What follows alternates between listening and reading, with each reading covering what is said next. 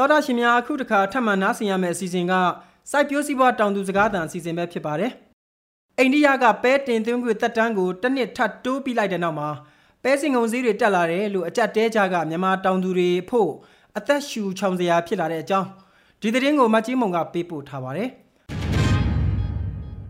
မြန်မာပဲစင်ကုန်တန်ချိန်၄သိန်းဝယ်ယူသွားဖို့အိန္ဒိယကကန့်လန့်ထားပြီးပဲတင်သွင်းတဲ့ကာလကိုလည်းအခုနှစ်မတ်လကနေနောက်နှစ်မတ်လထိတိုးမြင့်လိုက်တဲ့အပြင် လာမယ့်ဖေဖော်ဝါရီလမှာလည်းပဲစင်ငုံတန်ချိန်တချို့ကိုတင်သွင်းသွားဖို့အိန္ဒိယကပြင်ဆင်နေပါတယ်။ဒါကြောင့်ပဲစင်ငုံဈေးတွေကမနှစ်ကဈေးထက်တဆပိုမြင့်လာပြီးအကြက်တဲကြမှာပဲအညာတောင်သူတွေအသက်ရှူချောင်ခဲ့ရပါတယ်။ပြည်တွင်းပဲစင်ငုံဈေးကွက်ကောင်းပုံက FOB လို့ခေါ်တဲ့တင်းမောပေါ်ရောက်ဈေးထက်ပိုများနေတဲ့အခြေအနေကိုမကွေးမြို့အခြေစိုက်ပဲစင်ငုံဈေးကွက်ကျွမ်းကျင်သူတဦးကအခုလိုပြောပြထားပါတယ်။ဟိုလက်ရှိအခြေအနေမှာတော့ဒီအိန္ဒိယကနင်းနေခွင့် တန်တန်တိုးမြင့်ထားတယ်ဆိုတဲ့ဟာတွေပေါ့နော်သူကတော့အကြောင်းဝယ်လောက်ထားတယ်ဆိုတဲ့ဟာတွေကြောင့်ဈေးကတော့ပုံမြင့်တာပါအခုဆိုရင် FOB ဈေးနဲ့ဒီပြည်ထဲမှာရောင်းဝယ်ဖြစ်နေတဲ့ဈေးနဲ့ဆိုရင်ဒီ FOB ဈေးကတော့နေနေပြီလေပေါ့နော်ဒီထဲမှာရောင်းဝယ်ဖြစ်နေတဲ့ဈေးကပုံတယ်ဒီတော့ဒီကြားထဲမှာရောင်းဝယ်ဖြစ်နေတဲ့ဈေးကပို့ပြီးတော့မြင့်တယ်လို့ပြောလို့ရတယ်ပေါ့နော်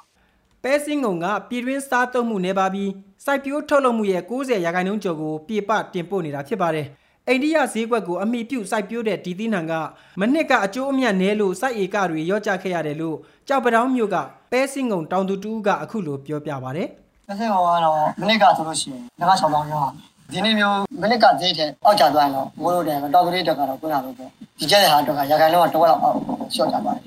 မြန်မာပဲမျိုးစုံစိုက်ပျိုးထုတ်လုပ်မှုကတနင်္ဂနွေလုံးလေယာတီးနှံစိုက်ပျိုးထုတ်လုပ်မှုရဲ့33ရာခိုင်နှုန်းထိရှိပြီးစိုက်ပျိုးမြေဧရိယာရဲ့20ရာခိုင်နှုန်းမှာ ပဲမျိုးစုံကိုစိုက်ပျိုးထုတ်လုပ်နေတာဖြစ်ပါတယ်။ပဲမျိုးစုံစိုက်ပျိုးထုတ်လုပ်မှုရဲ့82ရာခိုင်နှုန်းမှာပဲစင်ကုံမတ်ပဲပဲဒီဇိမ်းတို့ကိုစိုက်ပျိုးထုတ်လုပ်နေတာဖြစ်ပြီး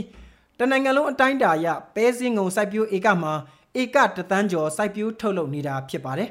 ။သောတာရှင်များအခုနားဆင်ခဲ့ရတဲ့မြေပြင်သတင်းအကြောင်းအရာတွေကိုရေဒီယို UNG သတင်းတောက်မတ်ကြီးမုံကပေးပို့ထားတာဖြစ်ပါတယ်ခင်ဗျာ။